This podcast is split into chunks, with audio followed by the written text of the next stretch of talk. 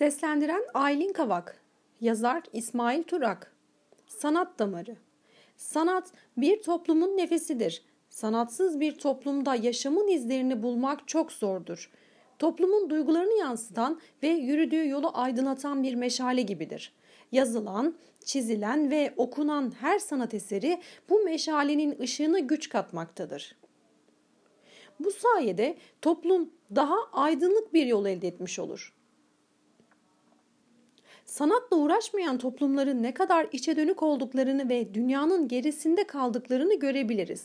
Sanatla uğraşan insanların toplumu anlayabilen insanlar olması gerekir. Bu sayede ortaya konulan eserlerin gerçek dışı olması pek mümkün olmaz. İçtenlikle oluşturulmuş ve gerçek duygular katılan bir eser anlaşılabilirdir. Bu durum eserin sanat severde uyandırdığı duygunun daha gerçekçi olmasını sağlar bırakılan izin derinlerde hatırlanmasına yol açar.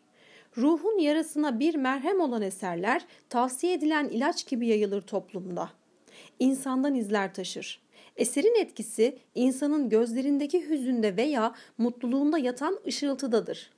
Dedik ya sanat damarı. İşte bu damarda yatar sanatın rengi. Kolay iş değildir bu.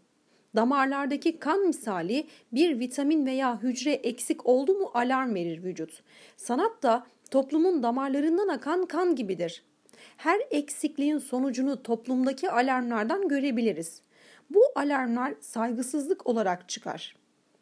Belki sevgisizliğin, belki de cahilliğin bir alarmıdır.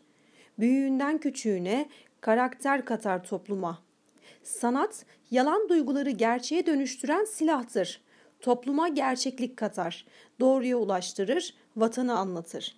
Yeri gelir vatanı olmayanı, velhasıl vatanı en iyi anlatan ve başka toplumlara tanıtan en güçlü icattır. Sanatı icat edilmemiş toplumun icraatı olmaz.''